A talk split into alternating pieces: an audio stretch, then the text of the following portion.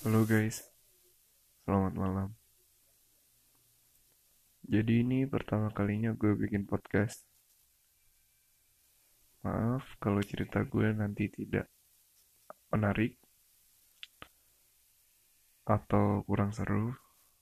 Mungkin dimulai dengan curahan-curahan hati atau cerita-cerita masa lalu.